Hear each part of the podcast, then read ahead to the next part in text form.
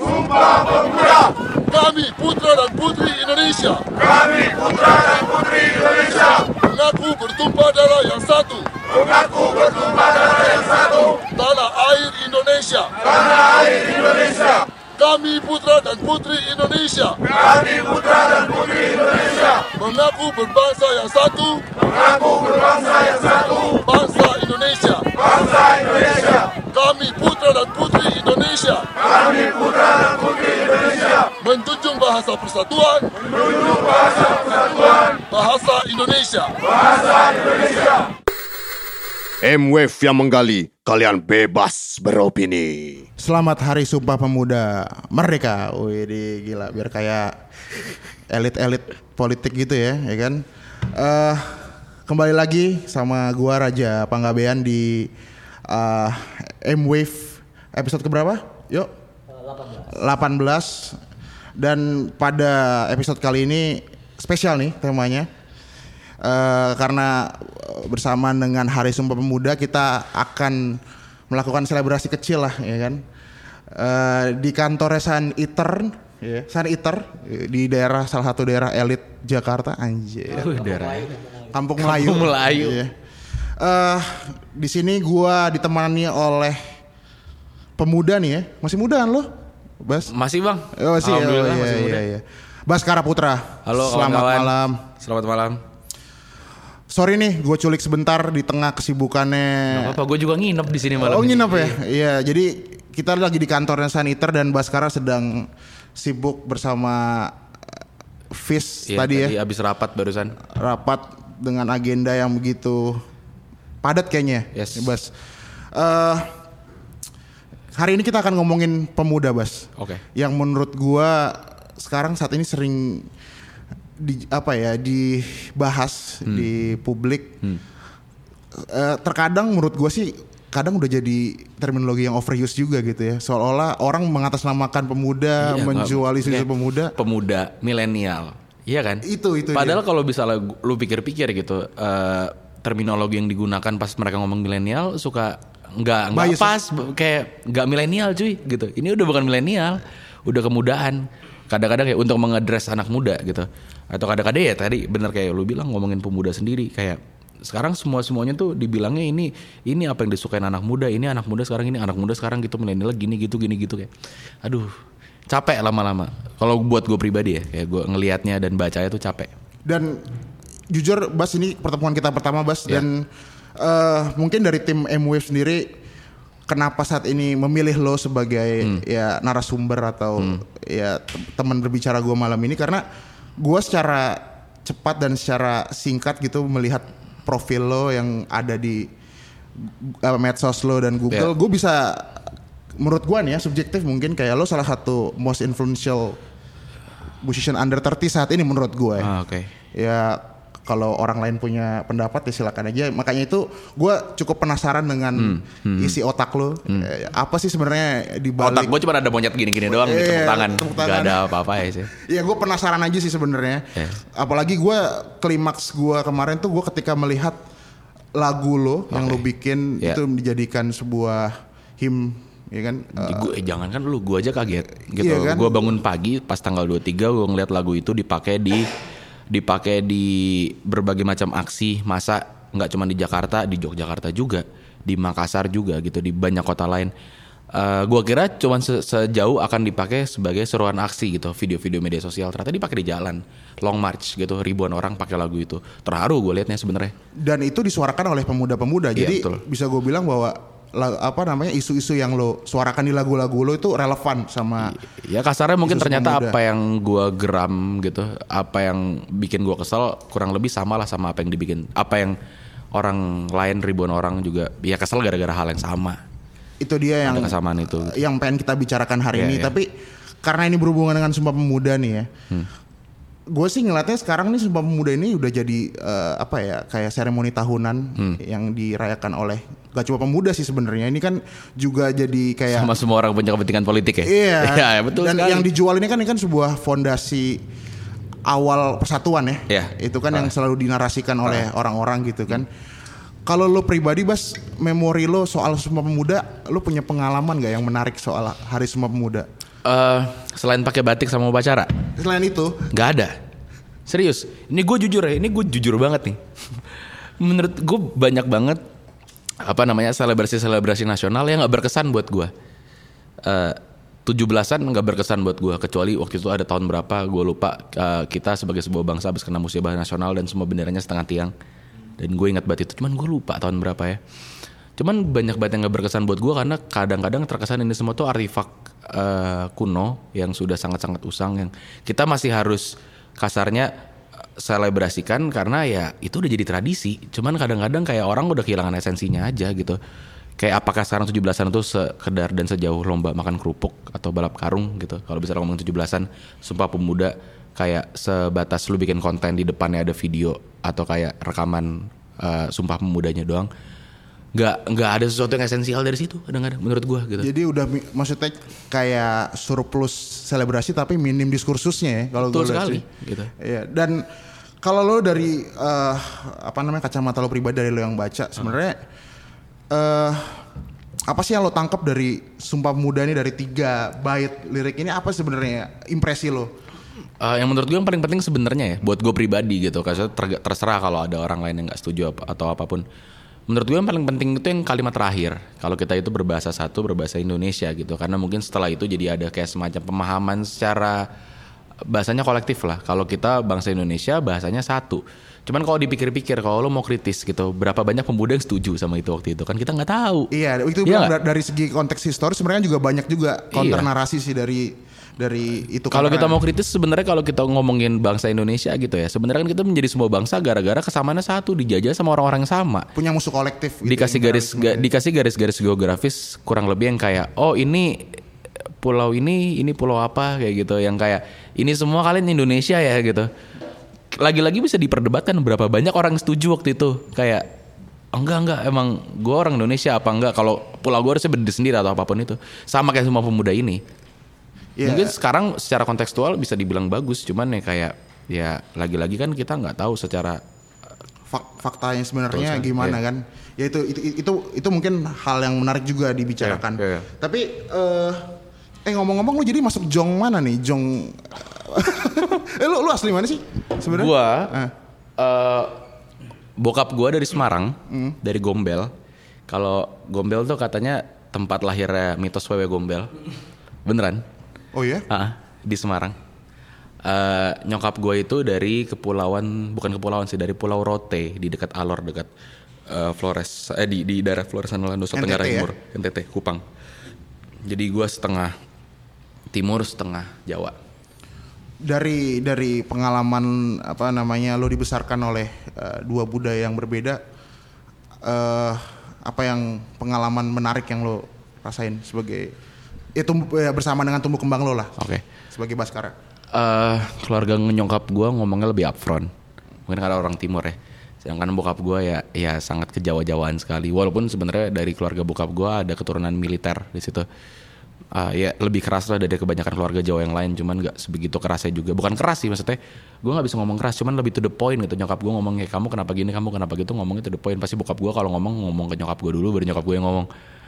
Dan ya itu di luar hal-hal lain seperti yang kayak seperti apa namanya eh, poin-poin yang berhubungan misalnya dengan keagamaan karena keluarga gue, bokap gue Katolik cuman nyokap gue dari timur kan semuanya juga maksudnya eh, budaya-budaya kekristenan di sana lah gitu.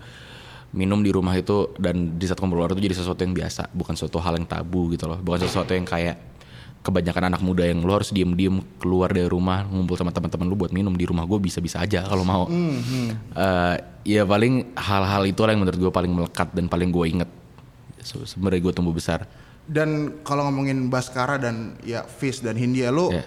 yang gua tangkap dari lagu-lagu lo dan liriknya khususnya ya karena Iya. lo kan yang nulis lirik sangat sangat kental sih isu-isu sosial Iya. yang sangat politis juga kalau gua lihat eh apa sih yang membuat lo akhirnya punya kekritisan terhadap isu-isu sosial dan politik gitu. Mungkin itu udah jadi bagian dari DNA atau kayak sudah ter apa ya bahasanya terpatri dalam genetiknya FIS aja sih sebagai sebuah kelompok musik ya karena kami lahirnya di FISIP UI terus Fakultas apa dulu? eh, fakultasnya FISIP FISIP UI Oh, Visip. jurusan macam-macam Oh, iya, beda-beda. sorry, Tahu jurusan bahkan ya. kru-kru kami pun semuanya visip UI gitu. Beberapa orang doang dari kampus luar. Jadi sebenarnya obrolan-obrolan perihal kayak isu sosial politik itu jadi obrolan sehari-hari bahkan di saat kayak lu lagi kayak ngehe-ngehan sama teman-teman lu pasti ada kayak ngomongin satu dua ngomongin berita terkini atau apa pun dan itu jadi hal biasa. Dan gue pribadi sebenarnya kalau alasan paling jujur gue nggak bisa nulis lagu cinta-cintaan zaman dulu gue bisanya kayak ngomongin itu karena itu hal yang emang kita biasa obrolin sehari-hari di tongkrongan.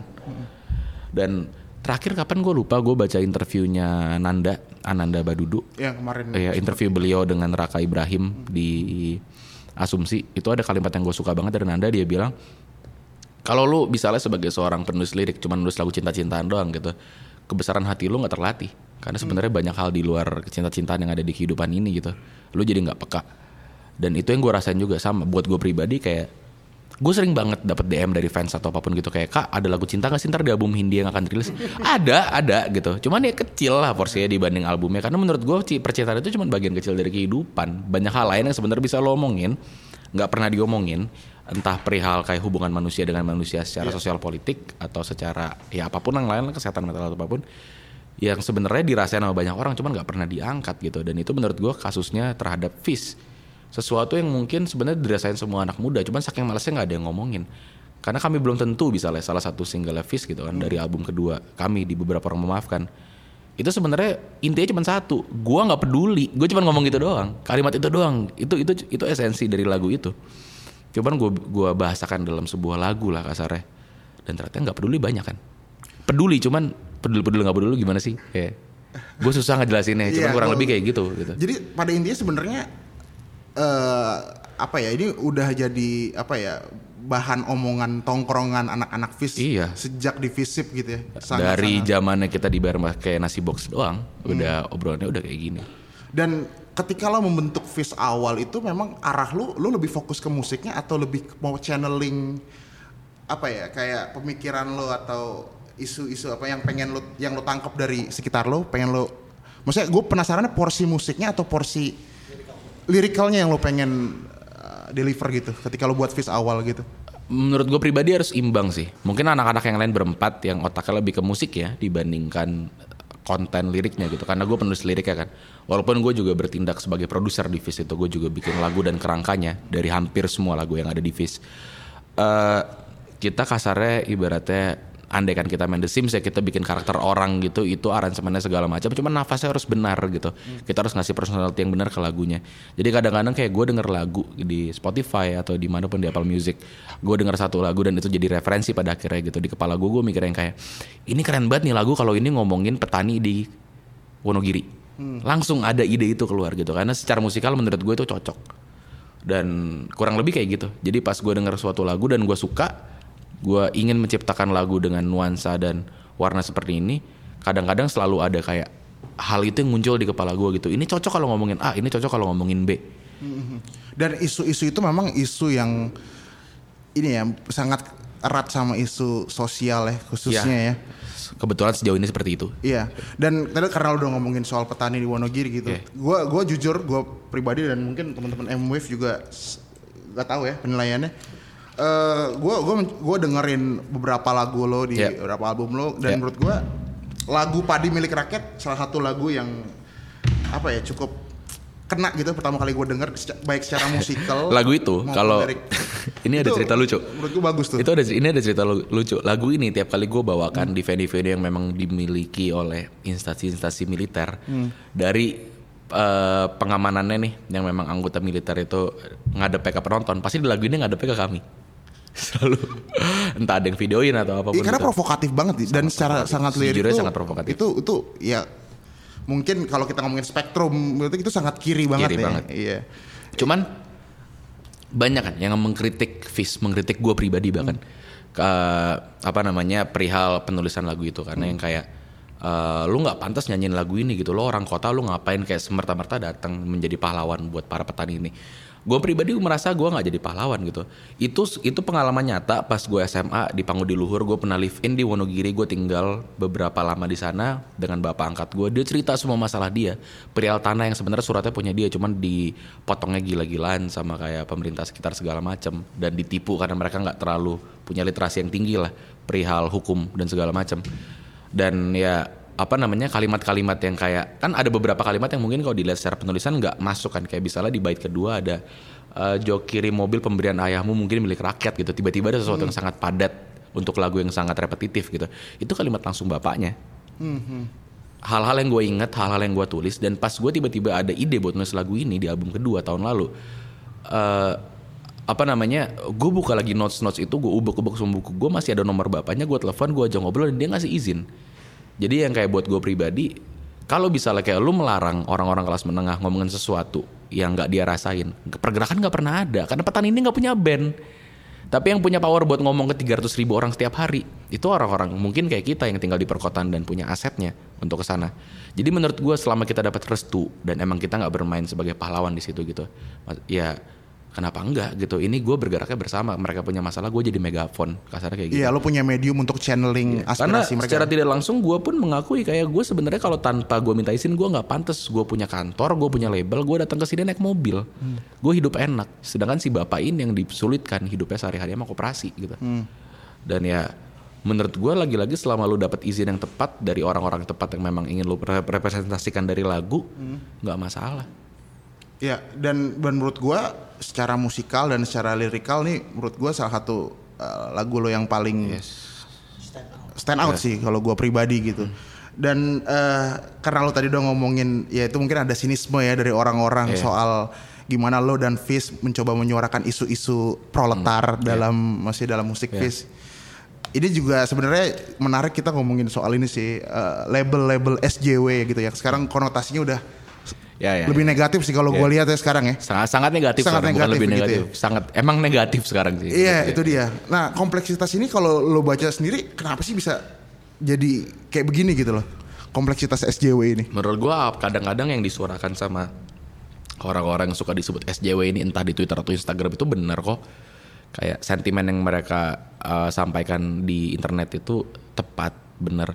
Cuman mungkin gitu ada beberapa oknum yang uh, menyuarakannya terlalu kasar, bukan terlalu kasar sih, kasar yang kayak nggak sensitif dengan konteks lah mungkin.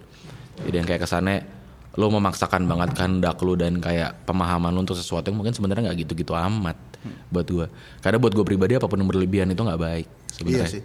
Dan itu yang sering kejadian Ya sebenarnya. maksud gue kayak kadang kadang kala mereka tuh melihat hidup tuh kayak diametrikal gitu lah kayak. Iya kayak gitu ya. ada beberapa orang yang gue kenal deket gue follow juga gitu aktivis-aktivis di Twitter gue juga pernah ngobrol sama mereka di kehidupan sehari-hari. Cuma kayak tiap kali gue ngeliat timeline tweetnya gitu, lu nggak capek apa yang ngomongin politik terus? Karena pada akhirnya lu cuman debunya di mata orang-orang ada di gedung DPR ini. Serius, Iya, kayak iya, iya. ngapain kayak lu nge-tweet film gitu, lu nge-tweet apa? Buat gue pribadi kayak gitu. Karena gue pribadi di Fis nggak pernah merasa yang kayak gue mewakilkan suara para aktivis atau gue mewakilkan suara kelompok kelompok kepentingan tertentu. Gue gue mewakilkan orang biasa. Jadi kalau bisa Fis dibilang kayak band biasa aja, gue senang karena kalau gue jadi band luar biasa, gue nggak bisa menyuarakan suara orang-orang biasa.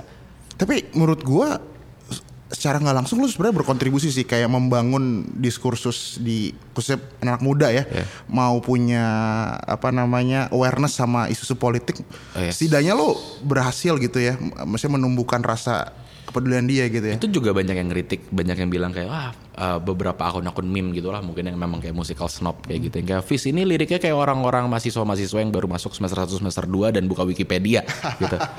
Maksudnya kalau lu mau debat-debatan sama gua, nanya ke gua siapa nama si bapak yang memang apa namanya eh, orang tuanya salah satu karyawan dan ditembak di Freeport gara-gara dia nggak setuju dengan kebijakan-kebijakan tertentu di sana, gua tahu namanya. Gua nongkrong di sana. Cuman kayak itu nggak mau gue masukin ke lagu. Yang pertama karena lagu tuh cuma 4 sampai 5 menit. Iya. Kalau lu mau tahu lebih lanjut, yang penting gue bikin anak muda tahu ada isu tertentu. Habis itu tujuan gue adalah mereka googling. Kalau bisa lu mau ca- cari tahu lebih lanjut ya jangan di lagu lah. Lu cuma punya waktu 5 menit kok. setidaknya lu bisa jadi trigger ya Trigger aja. Karena menurut gue seni itu tanda tanya bukan jawaban. betul betul Kalau bisa gue ngejawab politikus ini ngapain? Ya. Iya nggak? Kasar. Dan maksud gua karena tadi lu juga udah ngomongin ya maksudnya soal latar belakang pemahaman lo soal isu politik, sosial. Mungkin gua penasaran aja sih. Eh, lu pastinya kan juga sebagai baskara juga lu pasti punya banyak literasi literatur lah ya. Lu pasti baca ini baca itu khususnya hal-hal yang berbau politik. Menurut lo kalau kita ngomongin spektrum politik bisa bisa gua bilang nggak kalau Baskara itu sebenarnya lebih ke kiri kiri apa atau masih relevan kita ngomongin kiri kanan? Sebenarnya masih relevan sih buat gue sekarang. Karena bahkan kayak di negara-negara yang demokrasinya sangat-sangat maju masih dibicarakan hal-hal seperti itu gitu. Dan sebenarnya gue nggak memungkir kalau ada yang bilang ya gue agak kiri lah walaupun nggak kiri-kiri banget masih agak ke tengah gitu. Cuman kayak ya udah gitu. Maksudnya kami sebagai sebuah band ngerasain nolak undangan ke istana ngerasain nolak undangan untuk main untuk partai atau kayak afiliasi politik tertentu gitu. Itu menurut gue stance. Dan ya gue nggak malu kalau dibilang kayak gue kiri atau apa pun. Karena ya buat gue lo harus punya sikap untuk hal-hal yang penting buat gue pribadi ya. Karena kalau enggak ya lo stands for apa di hidup ini? Betul. Dan ya jadi jadi kayak kapal yang diombang ambingnya jadinya. Ya iya. Dan gue lihat ya maksudnya di di zaman kita ya kita maksudnya di zaman ya kita kan masih under 30 gitu ya masih satu generasi lah ya. Trennya kan sekarang tuh dengan keterbukaan informasi tuh kita kan lebih condong ingin mencari sesuatu tuh via Google, via Wikipedia sehingga kayak kadang kali kadang kala kita suka memahami suatu isu tuh elementer gitu. yes Kalau lo pribadi lo masih baca buku nggak, Bos? Gue masih baca buku cuman kebanyakan buku-buku populer. Dan kayak tadi pas lo bilang kayak litera- literasinya lumayan tinggi. Sebenarnya kayak referensi gue banyak banget budaya populer. Gue baca komik gue nonton film karena buat gue pribadi gue sangat-sangat kayak mengapresiasi hal-hal produk-produk budaya populer yang bisa menyampaikan suatu konteks atau apa ya bahasanya ya konsep yang sangat berat tapi dengan cara yang ringan jadi dari situ ya saya dari gue kecil dari gue SMP gue ngerti Karl Marx karena gue baca Watchmen gitu bukan karena tiba-tiba ucuk-ucuk kayak gue pengen baca ah kayak Karl Marx nulis buku tuh kayak apa sih isinya nggak ada anak kecil yang kayak gitu menurut gue ya Gue juga dan maksudnya kita tuh pasti trennya lebih apa ya mundur gitu loh. Kayak referensi kita tuh dari yang ada sekarang terus baru kita mundur ke akar-akarnya gitu. mundur ke akar-akar ya dan Iya iya. iya. itu makanya alasan gue kayak misalnya tadi kenapa Fis nulis lirik yang memang kayak ya menurut gue percukup first layer tuh cukup karena kalau misalnya gue ngomong dengan cara orang-orang kelas menengah gitu lagu gue nggak bakal diputer di warteg di Cikini atau kayak dinyanyiin sama gue pernah ketemu sekali ya pengamen di perempatan Citos gitu nyanyiin peradaban dan pas gue bawa kaca gue kasih ceban gara-gara gue seneng banget. Anjir lagu gue dibawain sama pengamen. Terus dia tahu nggak lu dia nggak tahu gue siapa. Itu menurut gue lebih pencapaian lagi. Gue lebih Iya, bangga iya, iya, iya, lagu iya, gue dibawain sama pengamen atau kayak gue nemu-nemu kayak apa namanya Instagram story yang mention gue kayak lagu gue dibawain di warteg entah di daerah di mana gitu. Daripada gue masuk festival besar. Karena berarti lagunya kena ke akar rumput. Dan menurut gue kayak gitu. Kalau bisa lagu nulis dengan lirik-lirik yang sangat-sangat tinggi bahasanya untuk orang-orang kelas menengah itu jadi masturbasi intelektual aja. Mhm, pada akhirnya nggak bukan itu tujuannya gitu. Dan gue nggak tahu lo mengobservasi ini apa enggak, tapi gue tuh eh, punya pengalaman menarik gitu ya soal maksudnya nama Fis gitu. Jadi gue tuh punya temen gitu, temen deket.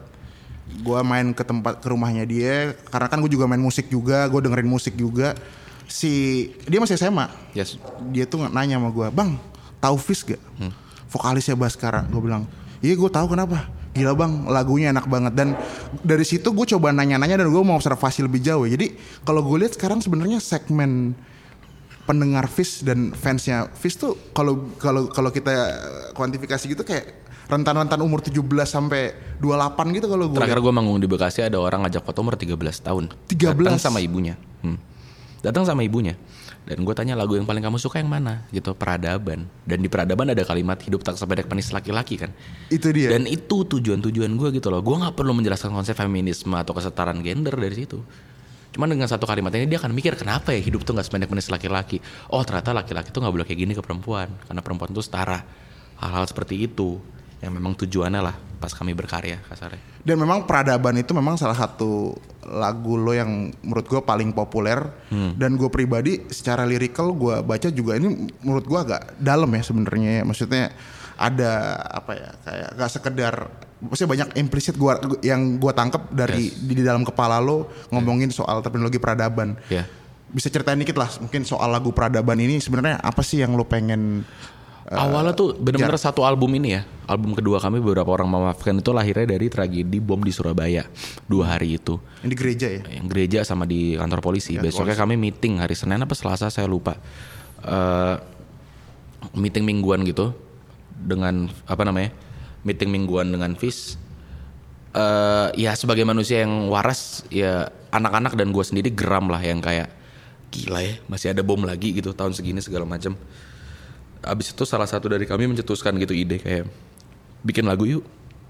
eh, satu lagu dua lagu terserah berapapun. Kita waktu itu mikir referensinya apa ya. Nggak ketemu tengahnya gue bilang ya udah gue coba bikin dua-duanya karena ada dua apa namanya voting terbesar malam ini di studio prepro gue di rumah sendiri. Ntar kalau udah kelar gue kirim ke grup. Malam itu ternyata yang lahir nggak cuma dua lagu lima lagu. Jadi ternyata dari kejadian di bom Surabaya itu cuma jadi kayak semacam trigger aja gitu nggak cuma ngomongin itu doang cuma ngomongin intoleransi secara kasarnya secara garis besar lah gitu secara umum apa bird's eye view. Dan buat gue waktu itu pas gue nulis peradaban secara kontekstual itu sih maksud gue yang kayak gue geram dengan orang-orang selalu memaksakan kehendaknya kalau Indonesia harus begini Indonesia harus begitu. Kagak cuy. Orang segede Ramses aja yang sampai ada puisi Ozymandias ujung-ujungnya ketemu cuman kepalanya doang udah jadi patung di padang gurun. Itu konsep gue gitu pas pas gue nulis peradaban. Kalau seberapapun ngototnya lu ngoyonya lu kayak bilang kalau masyarakat harus gini masyarakat harus kayak gitu. 50 tahun lagi orang lupa sama lu dan dan pola pola pandang lu gitu karena di Iran aja dari orang-orang yang benar-benar bisa kayak ke pantai dengan bikini sebebas itu gitu perempuan di sana. Dalam satu setengah tahun berubah hukum syariah. Ya.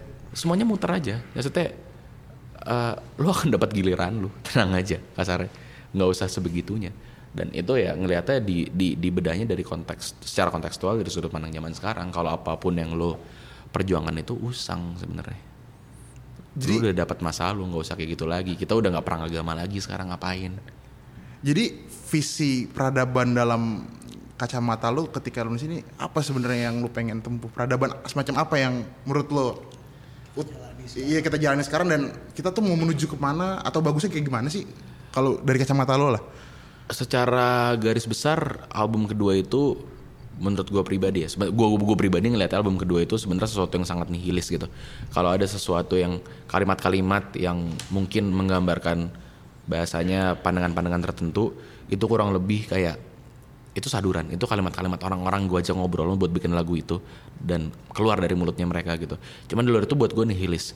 Gue merasa kayak album kedua itu kayak semacam visi itu eh, memproduksi berita gitu.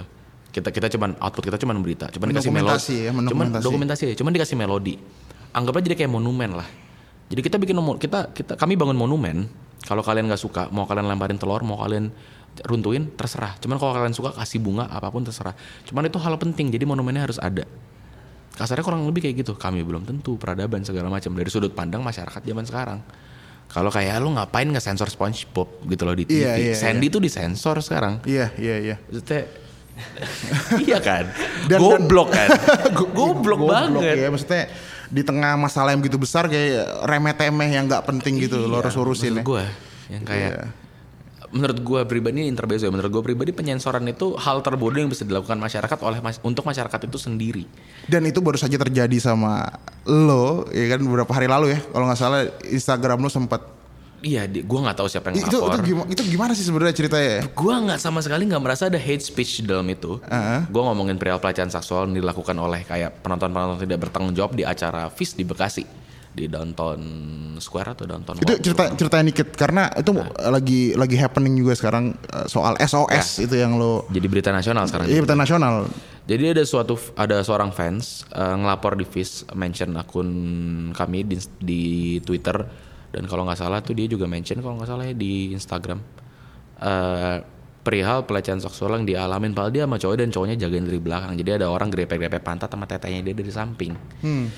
Dan seperti kebanyakan korban-korban pelecehan seksual yang lain eh, beliau freeze lah. Dia dia shock gitu nggak bisa banyak melawan. Dan di threadnya yang dia dia tulis itu ternyata yang akhirnya come out gara-gara itu ada banyak. Gak cuman di acara FIS doang di acara-acara lain juga dan di acara itu juga banyak ada dia ngelihat uh, apa namanya perempuan sudah pingsan kehabisan oksigen lagi dibopoh dibawa keluar dari kerat masih digrepe tetenya kan tai ya. Kan ngentot gitu maksud gue Eh, dan ini sebenarnya nggak pertama kali kami dapat cerita seperti ini. Ini udah mungkin kali kelima kali keenam. Sebelumnya ada dan kami selalu, selalu kayak ngobrol langsung sama korbannya. Dan tiap kali gue kayak bukan ngelapor sih biasanya ngobrol sama musisi-musisi yang lebih senior pasti mereka bilang kayak ya bas kita sebagai performer nggak bisa ngapa-ngapain selain menghimbau segala macam bla bla bla. Gue capek sama himbauan karena nggak merubah apa pun. Gue pengen punya instrumen yang bisa gue bangun bersama penonton eh, yang akhirnya untuk jangka panjang orang-orang tidak bertanggung jawab ini binatang-binatang ini akan mikir dua kali tiga kali empat kali enam kali kalau mereka melakukan itu karena sekarang mereka tahu kami punya senjatanya Iya. gitu. Kita punya senjatanya. Dan akhirnya ide screen merah SOS ini muncul. Gua Kunto Aji Panturas eh, Danila juga. Terus kayak eh, Iga juga gitu Elephant Kain juga. Ya mungkin nggak sempurna gitu cuman gue pribadi lebih suka kayak kita bertindak dulu sekarang dan ntar kita trial kalau misalnya gagal atau kurang efektif daripada nggak mulai sama sekali. Karena selama ini bahkan di konser-konser yang sangat-sangat musiknya mungkin sangat mendayu-dayu ya yang nggak sehebring nggak seaktivis gitu masih kejadian lu bayangin gimana kalau di Fis gimana kalau di bara suara gitu gimana kalau di acara-acara pang Iya, iya, iya. Iya kan? Dan ini kan nggak pertama kali kejadian kalau misalnya kayak teman-teman pernah dengar perihal ceritanya Enggi dan Girl Gang waktu itu. Iya kan? Lu muak nggak sih lama-lama baca berita kayak gini? Iya Iya, sih. Bahkan kadang-kadang pelakunya tuh bukan emang orang-orang yang emang masuk karena acaranya gratis dan aji mumpung aja. Ini kadang-kadang acara bayar tuh masih kejadian kan anjing gitu. Itu dia, itu dia. Mungkin ini tahap pertama lah. Harus ada sosialisasi jangka panjang Betul, betul. nasional. Setidaknya lu dan teman-teman ya berusaha menggunakan tanda kutip popularitas yang lo punya Iya. untuk channeling isu-isu yang kayak gini ya, yang selama ini tertutup tapi sebenarnya ini benar-benar jadi isu krusial Karena biasanya banget. korbannya nggak pernah mau ngelapor secara publik. Itu dia, pasti nge-DM. itu dia, iya itu lagi. Karena malu. Ya dengan, apalagi dengan budaya patriarki yang ada Iya. kita di Indonesia ini. ya. Ada yang pernah nge-DM gue dia bilang dia cerita kayak gitu ke teman-teman terdekat ya cowok-cowok yang mungkin orang-orang musik juga atau penikmat musik yang lain dia bilang kayak makanya lu jangan pakai baju kayak gitu ke konser kan goblok. Iya, iya itu pola pikir yang selalu jadi justifikasi sih. Iya. Cowok-cowok binatang-binatang ini ya. Dengan gitu. logika yang sama gue bisa bilang kayak gue mukulin orang baru di jalan karena mukanya sengak. Jadi berarti dia pengen dipukulin. Enggak Iya, juga iya, iya, itu gitu. itu analogi yang paling tepat sih. Enggak juga. Benar benar. Dan responnya sejauh ini positif dan kemarin ketika lo post di Instagram memang lu sempat baca komen-komen yang ada di situ. Komennya banyak sekali. Hmm. Kalau nggak salah sebelum di take down itu kayak berapa jam sebelum di take down saya masih buka tengah malam itu udah udah seribu lebih komennya. Hmm. Jadi eh, dan gue pribadi nggak sempat bacain semuanya satu-satu ya. Cuman mungkin banyak yang berantem karena banyak komen-komen yang emang naik jadi top komen dan dia marah-marah kayak gue nggak ngerti kenapa cowok-cowok masih ada yang ngebelain kayak apa namanya seksual seksual predator ini gitu di dalam kolom komen ini. Mungkin karena dari situ gue nggak ngerti ada yang ngelaporin atau apa akhirnya di take down. Cuman gue pribadi udah request review ke Instagram karena gue pribadi ya maksudnya itu dibilang di take down gara-gara inciting hate speech. Menurut gue pribadi nggak ada hate speech sama sekali di Ada situ. dari pihak Instagram yang email lo atau? Eh, pas gue buka Instagram langsung kan kalau misalnya di take down langsung keluar kayak semacam notifikasi seperti itu. Oke oke. dan ya udah kalau di Twitter sih masih ada. Cuman setidaknya ya setid- beritanya udah naik level nasional. Gue udah baca di detik katanya polisi mau mengusut mau mencari. Telat kan gue bilang dari lu? dulu udah Ke mana ada aja ya? dari dulu udah ada yang lapor kalau belum menjadi berita nasional belum masuk detik line today pasti nggak pernah diusut selalu kayak gitu Dan ini sebenarnya sekaligus kita ngomongin soal tren censorship lah ya, Iya. budaya censorship yang ya mestinya sekarang nih gue nggak tahu kenapa nih ya negara jadi represif begini. Lu kayak jadi orang artis musik kedua setelah Jerings mungkin yang kena gitu kan. Ini lu ngeliatnya gimana sih soal apa namanya eh, apa ya censorship, kebebasan berekspresi dalam rezim yang sekarang ini yang konon katanya presidennya eh, lahir dari Kebebasan rahim rakyat. berekspresi sesuai dengan kepentingan elit itu Dengan sel- sesuai selera ya. Gak bebas bebas amat sebenarnya mah. iya Baga sama Jering saja kena tuh ngomongin Wiranto kemarin. Itu dia, itu dia, Iya. itu dia. Coba. Padahal Baga cuma bercanda doang. Baga bikin meme doang. Lucu lagi meme-nya. Gue retweet. Iya. Iya nggak? Tapi sebenarnya ada ya maksudnya kayak counter argumen soal itu tuh kan soal sebenarnya juga inilah ya soal terminologi netizen maha benar itu ya maksudnya eh menurut lo emang kebebasan ekspresi itu adalah suatu hak mutlak gitu ya bagi manusia atau itu apa namanya ya juga melihat kesiapan dari masyarakat sendiri nggak sih? Apakah jadi pertanyaan gini mungkin, apakah masyarakat Indonesia yang dengan keadaan sekarang ini sudah siap untuk menerima kebebasan yang begitu bebas? Menurut gua kalau dibilang siap enggak. Cuman walaupun bisa lah ya demokrasi di Amerika Serikat nggak sempurna mungkin ya. Cuman gua ada setuju di saat kayak de- secara amandemen diatur oleh mereka First Amendment gitu loh. dibilang bahwa kayak kebebasan berekspresi, berekspresi itu harus bebas-bebasnya Ya. selama tidak mengganggu hak asasi manusia secara eksplisit. Ya. Jadi kalau lu bilang kayak gua nggak suka ini bla bla bla bakar, cuman selama nggak dibakar beneran ya udah gitu. Iya. Udah jadi ranah hukum yang emang lu bisa ditangkap dan dipenjara kalau emang lu bakar beneran. Dan kayak se ekstrim ekstrimnya kan itu kan sebenarnya jadi takarannya jelas ya. Betul, betul, Cuman kan di sini kayak kesannya coba yang kayak UU ITE pasal-pasalnya Iya, sangat karet kan. Itu dia karet. Benar-benar. Kalau misalnya ada yang mau masalahin gue sekarang, gue bisa ditangkap besok. Iya, iya, iya, iya. Karena Twitter gue kan isinya begitu gitu. soal kebebasan ekspresi lagi sih tadi eh yang selalu menjadi menjadi justifikasi elit ini adalah soal ini sih budaya Iya, budaya ketimuran itu selalu menjadi apa ya menjadi argumen mereka ini nggak sesuai dengan budaya Indonesia Nah ini untung di podcast kalian jadi ngomongnya bebas ya. bebas bebas Padahal bebas. agamanya aja import. Iya? Coba. Itu foto-foto, lihat kalian lihat kayak arsip-arsip zaman dulu. betul betul Perempuan-perempuan di sini bisa berekspresi sebebas mungkin pakai baju kayak apa pun yang nggak pernah ada pelecehan seksual. betul betul betul apalagi kalau kita baca historis sebenarnya agama ini kan masuk sebenarnya untuk alat merepresi masyarakat gitu ya untuk ibaratnya dalam tanda kutip ya men- menenangkan masyarakat melalui politik etis kalau bisa kalau kita baca jadi iya, maksudnya yang kayak sebenarnya ya bebas lah beragama. Maksudnya ya itu kan ekspresi pribadi kan, mau beragama dengan cara apa pun. Cuma maksudnya kalau udah sudah sampai kayak melanggar melanggar apa ya bahasanya ya, hak asasi manusia yang lain gitu untuk berekspresi kan jadi salah. Iya, itu kan mitos budaya timur itu sebenarnya gue kadang juga suka bingung sendiri apa sih sebenarnya mitos penuh sopan santun, penuh tata krama, tapi Gak ada itu mitos Arab Saudi itu serius. Jadi kena sensor nih kayaknya kita gini. Gue cuma serius lah, maksudnya yang kayak teman-teman gua pun pribadi gitu yang memang kayak keluarga dari keluarga sangat beragama ya dan benar-benar sangat membedah gitu kitab-kitabnya masing-masing. Sebenarnya kadang-kadang itu kita sebenarnya ini mungkin bukan porsi gua buat ngomong ini ya. Gua nggak tahu ini bakal disensor apa enggak gitu. kebebasan berekspresi bos. Iya. Cuman gue buat gue pribadi kadang-kadang orang nggak bisa bedain kayak mana Yahudi, mana Kristen, mana Islam, mana Arab gitu loh. Beda sebenarnya. Maksudnya zaman dulu kayak Wali Songo gitu-gitu me- menyebarkan ajaran yang sangat-sangat baik dan mulia kok. Cuma kenapa sekarang tiba-tiba kayak tiba jadi ajaran yang ya sebenarnya Gue ngeliat tuh sekarang ulama tuh atau pendeta atau apa pun semakin penuh kebencian konten khotbahnya tuh semakin bagus. Iya Jadi kan? kayak jadi indikator gitu loh ya. Semakin penuh dengan kebencian, semakin keren gitu ya. agama jadi diktator sekarang ya. Enggak gitu mungkin mungkin karena kita sebagai manusia uh, secara alamiah gitu nature-nya kita kita punya kita perlu musuh bersama buat Ah, bersatu ya. Itu gitu. dia, itu dia, itu dia, itu dia. Ya cuman kenapa nggak sistem gitu loh? Iya, kenapa iya, harus kenapa harus horizontal? Iya, iya, nggak? iya, betul. Kalau lu bener-bener kayak maksa banget punya musuh bersama, setidaknya vertikal lah, jangan horizontal. Eh Karena lagi-lagi gue bilang kayak tadi, kita sebenarnya semua itu cuma debu yang mikro di mata politik. betul, betul, betul, Iya betul. kan? ngomongin soal tadi lu ngomongin soal agama juga dan kayak latar belakang lu sebagai oh, lu Kristen atau Katolik sorry Keluarga gue Kristen Katolik. kalau Kristen Katolik gitu ya emang seberapa apa namanya signifikan sih sebenarnya ajaran karena kita suka nggak suka kita dalam keluarga gitu ya pastikan ajaran yang paling sering kita dengar dari orang tua kan pendekatannya pasti Agama. Agama ya. Ya nyokap gue sangat religius nah lah. ya kan Cuman dia lumayan terbuka. Hmm. Walaupun masih suka ngingetin kayak deh di daerah sini kalau kamu manggung ada gereja jangan lupa gereja iya gereja gitu. Yang kayak cuman buat gue pribadi gue nggak bisa bilang gue orang sangat-sangat religius gitu karena menurut gue beriman dan beriman dan beragama itu dua hal yang berbeda Ya. sangat berbeda gitu lu bisa mengamalkan kayak ajaran apa namanya nabi-nabi lu tanpa menjadi beragama dan sebaliknya gitu. Dan kadang-kadang buat gue pribadi orang sini lupa sama hal gitu gitu. Lu lu baku banget ngikutin ajaran-ajaran tertulis gitu. Ya lu kasarnya minum alkohol tapi makan babi gitu.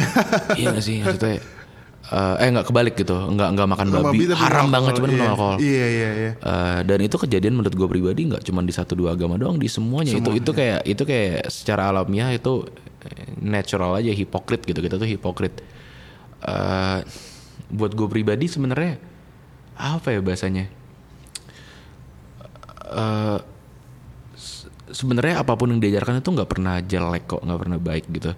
Cuman lu tahu kasarnya gini maksudnya kalau dibicarakan secara ekstrim kasarnya lu tahu lu harus tahu mengamalkannya sampai sejauh apa kayak memang mungkin kayak diatur emang dibilang di semua agama kalau agama lu tuh yang paling benar cuman kalau sampai lu bilang ke teman lu yang masih kecil atau kayak di bawah umur bilang kayak lu bakal masuk neraka cuy gara-gara lu Kristen gitu ya kan jadi salah Iya, Iya iya, nggak? iya, iya, iya, iya. Dan maksud gue kayak gue ngerasa gue nggak tahu ya ini dirasain sama lo. Gue ini tuh sebenarnya yang menjadi menjadi ini semakin tereskalasi tuh emang zaman-zaman apa tuh yang eh, zaman Ahok gitu ya. Pilgub DKI itu gue ngerasa Oh hancur, gue males banget loh. Kerasa gak sih lo? Even banget. temen, lo tahu temen lo nih progresif, terbuka, tapi dia bisa terpengaruh sama isu-isu kayak gitu ya. Lo kerasa gak sih temen circle lo ada yang Iya ya benar. So, sebenarnya gini, gue cuman pernah ngobrol sama teman gue dan ada pandangan yang fair ini sama-sama musisi Kamga yang ngomong.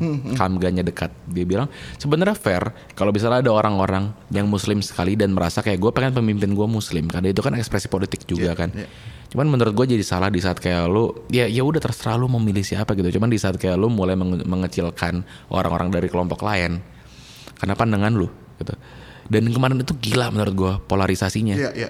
sampai orang tuh lu bisa ketemu gitu di internet orang S3 cuman jadi goblok Iya, iya itu dia, itu dia. gara-gara itu dan ya menurut gua eh gue lupa itu dari film apa atau novel apa dia bilang cuman jangan lupa musuh utama lu siapa kayak don't forget kayak who the real enemy is siapa yang ngomong itu ya gue lupa deh Siapa ya? fuck Dalam hal ini negara maksud lo? Enggak, enggak, enggak. Ma- Maksud gue, maksud gue, gue lupa fiksi apa yang ngomong kayak gitu. Jadi mungkin teman-teman yang dengar ntar kalau bisa gue share bisa dibahas di kolom tetap. di ya di mana pun di gitu. komen, di kolom komen. Iya. Nah, cuman serius. Itu maksud gue kayak kita kemarin sempat nih pas pemilu eh pas pilgub kemarin lupa musuh besarnya siapa. Betul. Lu dipaksa berantem secara horizontal. Iya. Dan semua tuh fabricated sebenarnya gitu ya. Iya, ya lu lihat lah kabar berita kemarin. Ujung-ujungnya nomor dua jadi Menhan. Nah itu dia tuh. Iya Iya kan? itu dia. Itu ini, ini yang paling apa? Paling Kan gila. Faktual Udah gitu ya. dan ya mungkin tapi orang-orang udah fed up ya udah capek. Di titik akhirnya sekarang udah nggak jadi berita gede. Orang cuma ketawa doang bacanya kan. Betul, betul, betul. Iya. ngomongin soal apa namanya bagaimana lo bersama karya-karya lo bisa bikin karya yang terresonansi gitu ya relevan sama uh, pendengar lo khususnya yang muda-muda sih kalau gue lihat ya gue gue bisa bilang mungkin mostly anak muda gitu ya Anak muda. kalau observasi lo sekarang tuh sebenarnya isu real isu pemuda dan milenial tuh apa sih sebenarnya? Apakah isu ekonomi kah? Apa isu? Iya masalah utamanya apa sih sebenarnya? Identitas kah atau masalah Di luar agama? politik ya? Di luar politik. Menurut gue masalah utamanya kita tuh sekarang kit, apa sih bahasanya gue lupa secara akademis apa inferiority complex. Iya iya iya. iya. Lu pernah perhatiin nggak semua model Instagram harus pakai emoji bendera bokapnya dari keluarga mana? Jadi kalau misalnya kayak lu orang Indonesia yang ada campuran Belandanya, pasti di bionya ada bendera Indonesia, ada bendera Belanda sebelahnya. Iya iya. iya. Kayak kesannya buat lu punya legiti- legitimasi untuk punya Half followers In- banyak. Half Indonesian, half Iya. Australian. Kalau kalau kalau lu lu punya lu kalau di kesannya kayak harus apa namanya bahasanya eh, buat lu ada legitimasi followers lu banyak dan lu kerja sebagai seorang model yang profesional, lu harus punya bendera lain di sebelah bendera Indonesia. Itu menurut gue fuck up se fuck up fuck upnya men. Karena kayak apa namanya eh, iya maksudnya mungkin teman-teman yang dengar ngerti lah kita nggak bisa mungkirin kalau anak-anak yang memang blasteran-blasteran ini tuh punya kasta sosial yang lebih tinggi di Jakarta Selatan, Jakarta Pusat dan dia di semua kota lain gitu. Kayak apakah lu semalu gitu jadi orang Indonesia? Ya, ya sebagai sebuah Ya buat gue pri ini ini intermezzo juga cuman ada hubungannya juga sih. Buat gue pribadi sebenarnya ada bedanya eh, cinta sama bangsa sama cinta sama negaranya. Iya iya. Kritik habis-habisan bangsanya, cuman lu harus cinta sama eh kritik habis-habisan negaranya, cuman lu harus cinta sama bangsanya. Iya. Menurut gue di titik ini mereka udah malu sama bangsanya, cuy. Iya iya iya iya iya. Tapi mungkin itu sebenarnya akibat bukan seb- eh, Iya. bukan sebab ya. Sebenarnya balik lagi soal tadi gue ngomongin soal kesiapan kita sih meng- eh, menghadapi keterbukaan gitu ya. Ya. Jadi sebenarnya hipotesis kayak kita sebenarnya belum siap-siap banget tuh sebenarnya terjawab dari yang kayak gitu-gitu ya isu-isu Iya. inferiority kompleks itu ya. Ini kayak apa namanya eh, pemuda-pemuda woke lah yang bacanya jurnal ruang, Iya. Tirto, Vice gitu. Gua gua nggak nyerang medianya, cuman maksud gue yang kayak iya itu mungkin salah gue juga itu stereotyping lah kasarnya. Cuman maksud gue kayak gini. Yang selalu memperjuangkan kayak legalitas ganja misalnya di Indonesia. Buat gue pribadi nggak siap cuy orang sini untuk ganja menjadi legal ya. Diskursusnya boleh ada, cuman nggak siap. Masyarakatnya nggak siap sekarang yang saya yang menurut gue pribadi sebenarnya bisa siap kalau lu mau itu kebebasan berekspresi cuman di luar itu enggak sekarang kayak pelan-pelan gitu Iya. ya namanya lu masyarakat harus berproses kan itu sama kayak hal-hal lain gitu dan itu menurut gue jadi banyak kayak ya kayak domino effect aja ke mana-mana gitu sampai dari titik anak muda tuh malu untuk kayak maksudnya untuk dia jadi orang terkenal di internet dia harus bilang kayak orang tuanya ada campuran keluarga lain dari Indonesia. Iya iya itu dia sih. itu menurut gua itu menurut gua ya eh, bahasanya implikasinya nggak cuman perihal kayak karena eh, dia merasa eh, apa namanya oh gue cantik karena gue dari sini gue ganteng karena gue dari mana. Itu lebih dari itu sebenarnya. Kalau bedah kalau kalau kita benar-benar mau bedah itu itu lebih dari itu itu pasti ada kon- secara kontekstual ada hubungannya dengan sosial politik budaya agama Iya, ekonomi iya. budaya narsistik gitu ya. Iya, nggak cuman nggak cuman perihal kayak gue ganteng karena gue ada keturunan Belanda atau apa pun. Jadi sebenarnya ini sih yang suka menjadi pertanyaan juga sih anak-anak Eh. muda gitu ya. Bahkan gue sendiri gitu yang masih udah selesai kuliah lagi kerja kantoran lo sekarang jadi sebagai musisi. Eh. Sebenarnya peran apa sih sebenarnya yang bisa lo lakuin gitu sebagai manusia gitu ya? Lo harus ngapain sih gitu? Ya mungkin bisa bisa berangkat dari lo deh Baskara gitu Eh. sebagai musisi vokalis Fish. Lo lo menilai lo peran lo di kancah per- perbangsaan ini sejauh mana? Kan- kan- kan Berat banget ini pertanyaan. negara sama bangsa beda bu ya kan gitu kan gitu kan Kalau buat gue pribadi gue merasa kayak ya Fish sekarang Hindia gitu. Kalau di total pendengarnya mungkin hampir sejuta sehari. Ya gue punya sehari sejuta Enggak hampir, lah Hampir. mungkin kalau misalnya Hindia 300 berapa dari Spotify doang Fish berapa belum dari YouTube belum dari segala macam Eh, apa namanya ya gue merasa punya amanah aja berbicara yang baik anjir dari tadi cuman kita ngomong kasar ya di sini ya iya sekali lah ya kan di Iya cuman kan ini kejujuran kan. Iya. Maksudnya berbicara yang baik, menyebarkan hal yang baik gitu. Cuman gue pribadi sebenarnya orang sangat pragmatis. Maksudnya kalau ditanya kayak lu sebenarnya harus ngapain sebagai anak muda? Menurut gue ya nggak ngapa-ngapain selama lu nyusahin orang. Eh, karena lagi-lagi bahkan buat gue pribadi musik itu tanda tanya bukan jawaban. betul Jadi kalau misalnya lu expect semua jawaban itu datang dari seniman ya lu salah. Kalau gitu politikus ngapain? iya Iya iya kan? iya gue setuju Itu banget sama dengan anak muda sebenarnya yang Iya, kayak eh, ya kita sekarang cuman debu mikro yang ada di depan mata politik aja. Iya, iya. Kita cuman korban dari skema yang sangat besar. Iya iya Kalau kayak lu maksain perubahan dari anak muda, sebenarnya bukan tanggung jawab anak muda juga. betul betul Mungkin tanggung jawab seniman, tapi bukan seniman pun bukan tanggung jawabnya merubah. Cuma cuma Menyuarakan. menyuarakan, merefleksikan waktu dan tempat dia tinggal lah. Kalau kata Nina, Nina Simon, Memicu memicu, per- kan, tanda memicu tanya kan. ya. Cuman ya, maksudnya kalau sebagai kayak konteks masyarakat sehari-hari biasa, menurut gua eh itu kembali ke pandangan pribadi sih. Gue punya pandangan pribadi gitu loh. Cuman kalau gue dipaksa sangat objektif gitu ngomong anak muda tuh harus ngapain sih? Kagak lo kerja aja dan jangan nyusahin orang tua. Sebenarnya itu doang jawaban gue. sesimpel itu ya Iya. iya sih gue setuju banget gue gua nggak pengen kayak pura-pura jadi orang sangat nasionalis. Anak muda harus gini, anak muda harus kayak gitu, tai kucing, cuy. Serius. Tuntutan anak muda tuh dari orang tuanya dan generasi tua tuh banyak banget. Kayak kesannya kalau lu baca berita kayak millennials membuat apa tidak laku, millennials lu anjing kayak apa apa kesannya salah kita gitu loh. Iya iya Eh, kita lahir di dunia ini di mana harga rumah tuh udah nggak bisa dibeli. Lu dipaksa beli apartemen Iya. itu juga itu juga gila-gilanya cile gitu. Gila-gila, Terus lu expect apa dari generasi gua? iya iya iya Iya.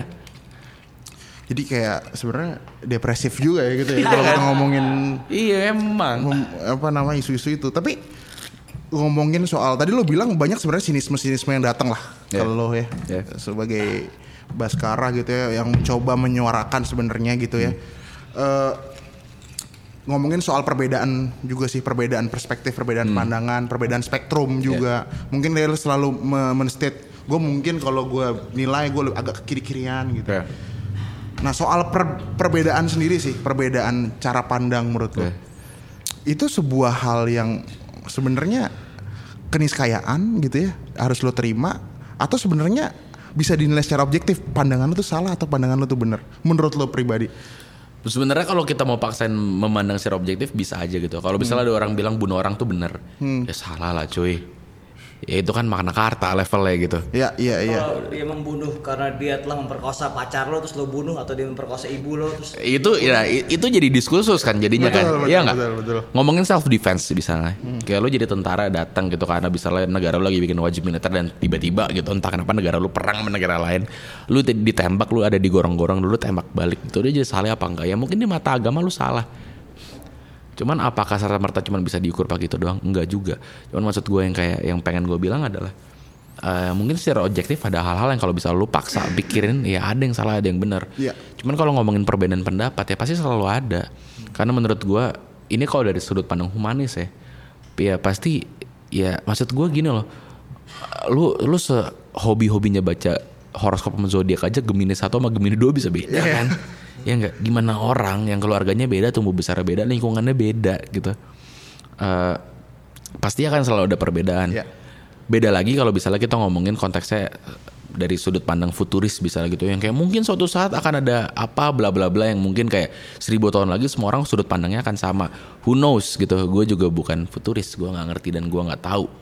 Bukan teknokrat juga. Cuman maksud gue untuk saat ini sih menurut gue ya akan selalu ada dan menurut gue selama lu bisa menyikapi ya dengan mawas dan waras ya nggak apa-apa gitu Dan maksud gua kayak penilaian objektif lo itu kan sebenarnya tertuang juga dari dari lagu-lagu lo dan resonansi dari aksi-aksi kemarin itu masif bro. Itu ribuan mungkin puluhan ribu orang yang datang yang secara nggak langsung sebenarnya dia punya satu musuh kolektif. Ya. Dia tahu punya ada objektif truth yang sebenarnya salah nih gitu ya. Dan eh, lo bisa ber- apa berkontribusi gitu ya di situ. Nah lo sendiri menilai gitu ya, mengkritisi aksi mahasiswa kemarin lu gimana Bas soal isu-isunya ya khususnya kayak isu KUHP gitu ya isu KPK ya gitu-gitu ya isu Papua itu lu gimana pribadi Kalau isu KPK ntar kita off the record lah ada yang pengen gue omongin. Oke, Ya, oke, Ini oke. sangat sensitif. direkam. Gak bisa Nggak direkam sama sekali. iya iya Lu kalau pada denger ya Iya. bayar nanti ke produser. Kalau isu RKUHP menurut gue ada hal yang sangat menarik dari situ. Ya kan itu dibilang kayak salah satu aksi paling besar setelah 98. Iya. Dan mungkin memang paling besar kan kalau dihitung secara kepala jumlahnya berapa. Jadi mungkin secara kolektif anak muda tuh udah mikir kalau selangkangan itu bukan urusan pemerintah. ya Salah satunya itu misalnya. Kalau misalnya isu Papua kan lagi-lagi kayak ya kami maksudnya kami setuju lah gitu. Teman-teman juga pasti setuju. Yang kayak kasarnya itu udah melanggar yang namanya hak asasi manusia kan apa yang terjadi di sana gitu. Apa pun kayak lu beda pendapat atau apa pun yang namanya nembak orang anak SMA -nya salah gitu. Eh, tapi yang pengen gue highlight menurut salah satu menurut gue hal yang paling menarik dari eh, apa namanya salah satu hal yang paling menarik dari aksi kemarin adalah buat gue pribadi ya. Eh, campur tangannya pelajar dan STM di aksi-aksi kemarin. Buat gue pribadi gini lu sebagai warga negara Indonesia negara demokrasi demokrasi terpimpin lah atau apa pun gitu gimmick atau jargon yang lu bikin itu hak lu untuk bersuara gitu. Terserah lu mau ngomong apa pun. Dan kayak lu bagus berarti lu nge-exercise demokrasi di saat lu turun ke jalan cuman buat gue pribadi gini lu di bawah umur orang tua lu harus tahu se sekayak rebel-rebelnya lagu Fis gitu. Kalau gue jadi orang tua juga gue akan khawatir kalau anak gue turun ke jalan di saat aksinya lagi seperti itu. Kasarnya gini.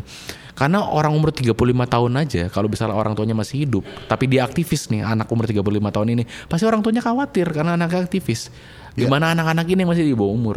Yang kedua, segimanapun kayak lu meromantisasi kayak perjuangan anak-anak dan kayak apa namanya eh, sepak terjang atau misalnya campur tangan anak-anak STM dan pelajar ini di aksi-aksi kemarin.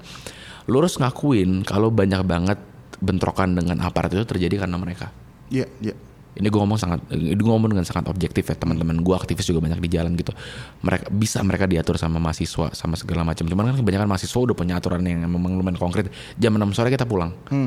Habis itu mereka masih mau di jalan. Jadi kalau buat gue pribadi tujuan lu turun ke jalan cuma bersinggungan sama aparat doang ya salah juga. Iya. Mending lu ngapain kayak main COD gitu di rumah. Iya. Main apa gitu, buka Pornhub. Serius gua. Karena perjuangan yang dibangun oleh banyak orang ribuan orang ini berminggu-minggu berbulan-bulan Iya. sebelumnya bisa rusak langsung karena kejadian satu dua kejadian yang terjadi dalam satu malam. Dan menurut gua itu yang sangat gue sayangkan gitu.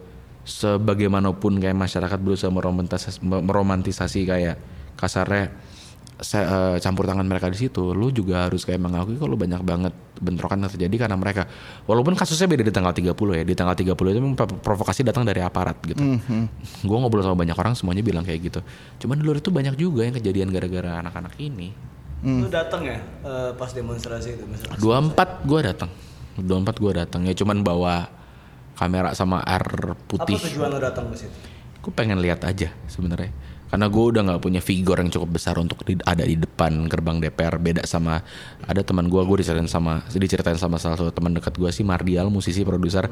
Datangnya ke bagian jadi dia stuck dia dia, dia nyangkut di antara mahasiswa sama pagar gedung DPR. Dia nggak bisa cabut itu lucu. Cuman maksud gue yang kayak ya gue pengen lihat ya mendukung secara moral ada di situ. Teman-teman gue alumni alumni Visip UI dari Siaga Visip UI juga ada di sana. Gue sama mereka. Himpunan gue HMIK gue dulu komunikasi kan ada di situ juga. Jadi gue datang pengen lihat anjing kena gue geser mata cuman Kerasa disal- tuh perihnya ya. Nih ya kena dulu kayak du, ya dulu zamannya kayak kita masih apa namanya memperjuangkan sekolah masih di terminal atau kayak memperjuangkan kayak pas zamannya stasiun UI mau digusur ya gue udah pernah ngerasain Oh jadi lu sejak mahasiswa lu juga udah aktif di organisasi ya? Udah gua, Bodat, Atnan, anak-anak FIS itu siaga Dulu Panda manajer kami juga Siaga. Siaga Visip itu salah satu kayak eh, organisasi pergerakan di Visip UI. Suka ngebantuin kayak gini-ginian. Advokasi gitu ya, Advokasi aksi gitu ya. segala macam. Cuman kita udah lama banget nggak kena geser mata. Pedih juga ya ternyata. ya. Terus gue kira kayak emang gue udah tua aja nih pedih ternyata kenanya. Ter- Ternyata kan dari luar gak anjing ya bang. Tapi emang odol tuh nggak jadi nggak ngaruh apa-apa ya odol tuh. ya? Odol putih ngaruh. Buat gue pribadi, gue nggak tahu sih maksudnya sainsnya gimana. Gue pernah dengar waktu itu salah satu dosen di kom kan di komunikasi UI, Mas Arben Rambe kan, jurnalis yang sangat senior lah. Dia bilang lu dibego-begoin, bego odol tuh nggak ngaruh. Iya, Katanya itu gitu. dia. Ada provokasi kemarin. Gue jadi gue ngeliat bendera HTI masuk. Pas Iya, bendera iya, HTI iya. masuk ke arah sana, makin, maksudnya ditembakin mereka malah makin maju. Menurut gue pribadi ya, correct me if I'm wrong kalau misalnya ada teman-teman yang ada di sana juga, menurut gue itu sengaja ada di situ. Ya biar, biar ditembakin. Iya, buat jadi alasan untuk melakukan tindakan represif gitu ya. Maksudnya ya anak-anak SSB gitu anak-anak kecil di dalam apa namanya lapangan-lapangan bola di GBK kena tembak. Arahnya arah tembakan gas air mata tuh ke dalam lapangan ke GBK ya mungkin karena mahasiswa juga loncatin pagar ya.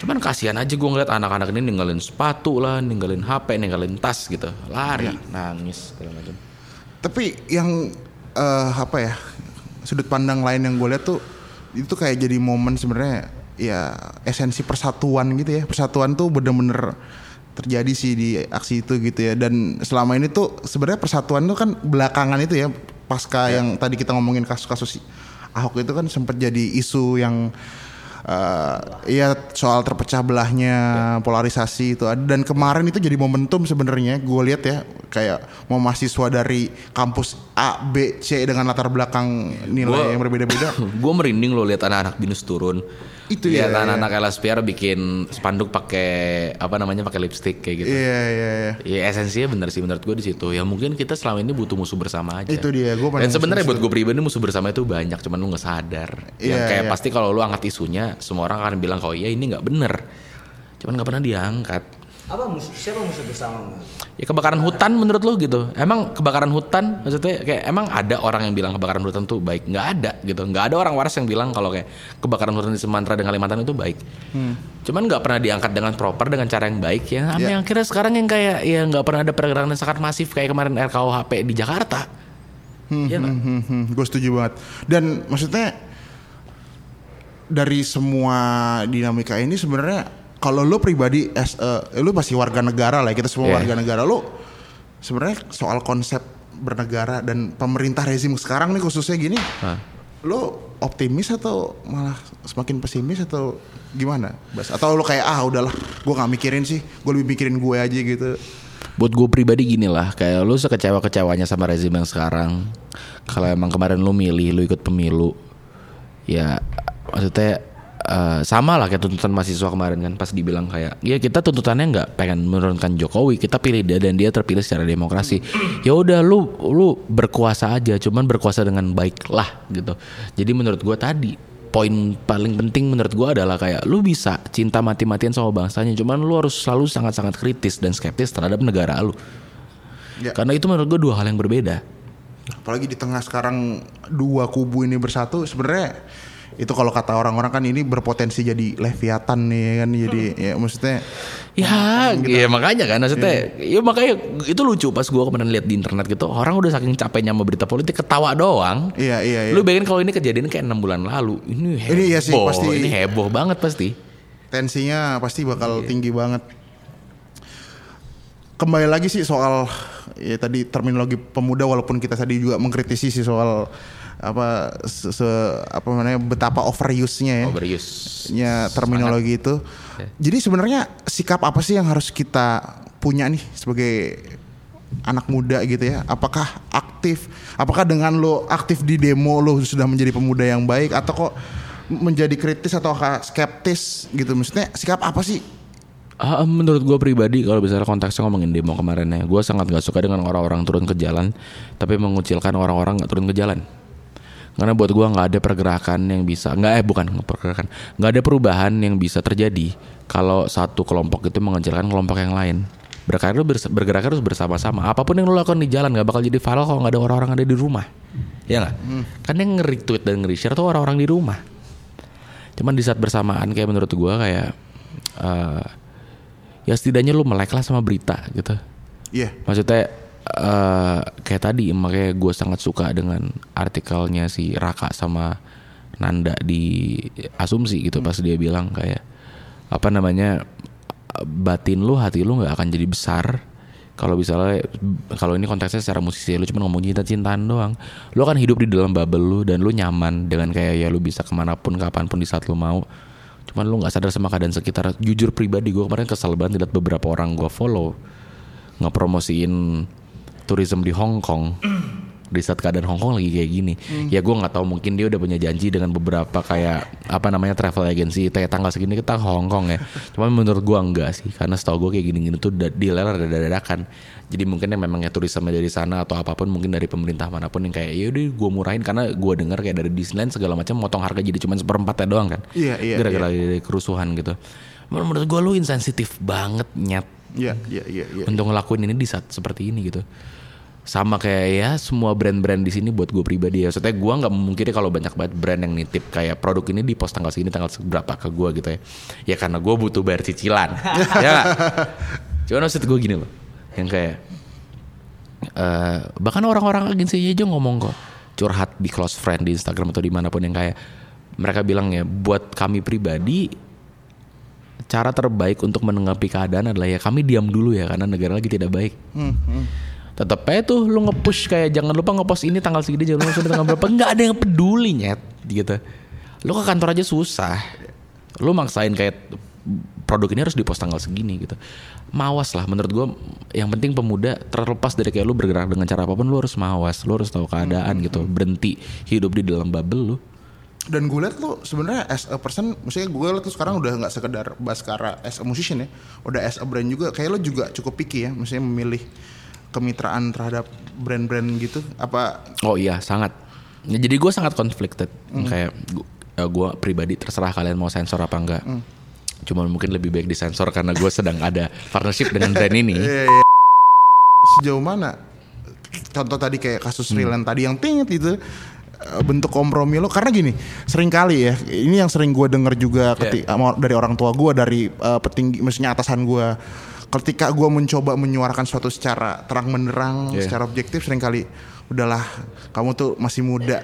Ya masih rasio kamu yang dikedepankan tapi tidak mem- memperhatikan ya mungkin memperhatikan eh, apa ya hal-hal lain gitu ya misalnya keharmonisan atau dan lain-lain. Nah itu mereka selalu bilang ya bentuk kompromi dan wisdom itu bisa muncul jam terbang gitu. Lu setuju gak sih dengan apa justifikasi justifikasi itu apa itu sebenarnya cuma justifikasi mereka untuk melanggengkan hal-hal yang gak benar nih? orang makin tua cicilan makin banyak bos. Itu dia bos maksud Jadi gua. mereka bilang kayak ya lo harus berkompromi lah ini itu ini ya jelas lo nyicil rumah, mobil segala macam asuransi ya jelas lo bilang lo harus berkompromi.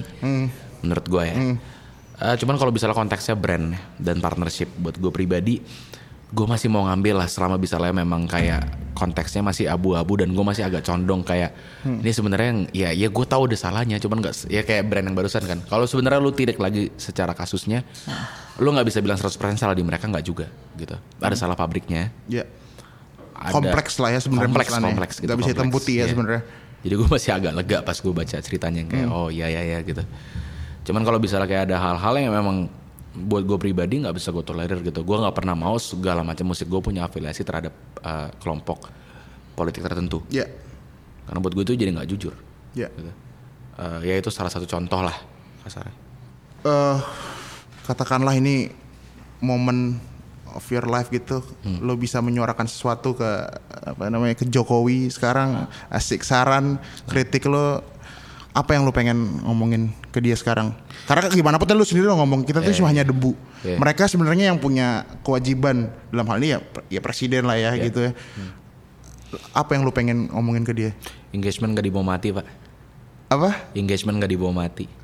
Maksudnya? maksudnya? Ya PR standnya banyak banget aja menurut gue Ya. banyak hal yang lebih penting yang lupa menurut gue untuk diadres Bas, thank you. Gua sangat menunggu eh, apa namanya movement-movement lo ke depan bersama karya-karya lo. kasih Dan gue penasaran juga sih, semakin lo tua, apakah cicilan lu semakin banyak Ya, sehingga mungkin gue tiba-tiba jadi ini endorsernya Luwak White Coffee. lo coffee gitu ya. Dan lo melupakan eh, sisi kritis lo. gitu. Iya kan. Jadi sebenarnya gue sangat menunggu dan harapannya tadi tadi udah banyak ngomongin inferiority complex ya kan. Iya. Itu itu isu-isu yang sebenarnya semoga bisa menjadi apa ya bahan renungan sih Ya. buat Betul para sekali. pendengar eh, M-Wave khususnya fansnya Baskara. Thank you Bas sudah diundang Sama-sama. ke Terima Saniter. ya Iya, diberi gua gua tadi kaget sih masuk pertama ada bendera slang. Jadi Oh iya. Bendera slang tuh menurut gua artefak sosial yang bisa masuk rally mana. iya kan? Rally Jokowi kayak rally FPI, HTI pasti ada bendera slang. Iya, iya, iya. Gak pernah ada yang kritik bendera slang. Bener, itu dia itu dia. Panggung Fis ada bendera slang. Bingung gak lo? Coba. Yeah, thank you Bas. Sukses buat ke depannya. Ya, terima kasih banyak. Dan peace out. Ciao.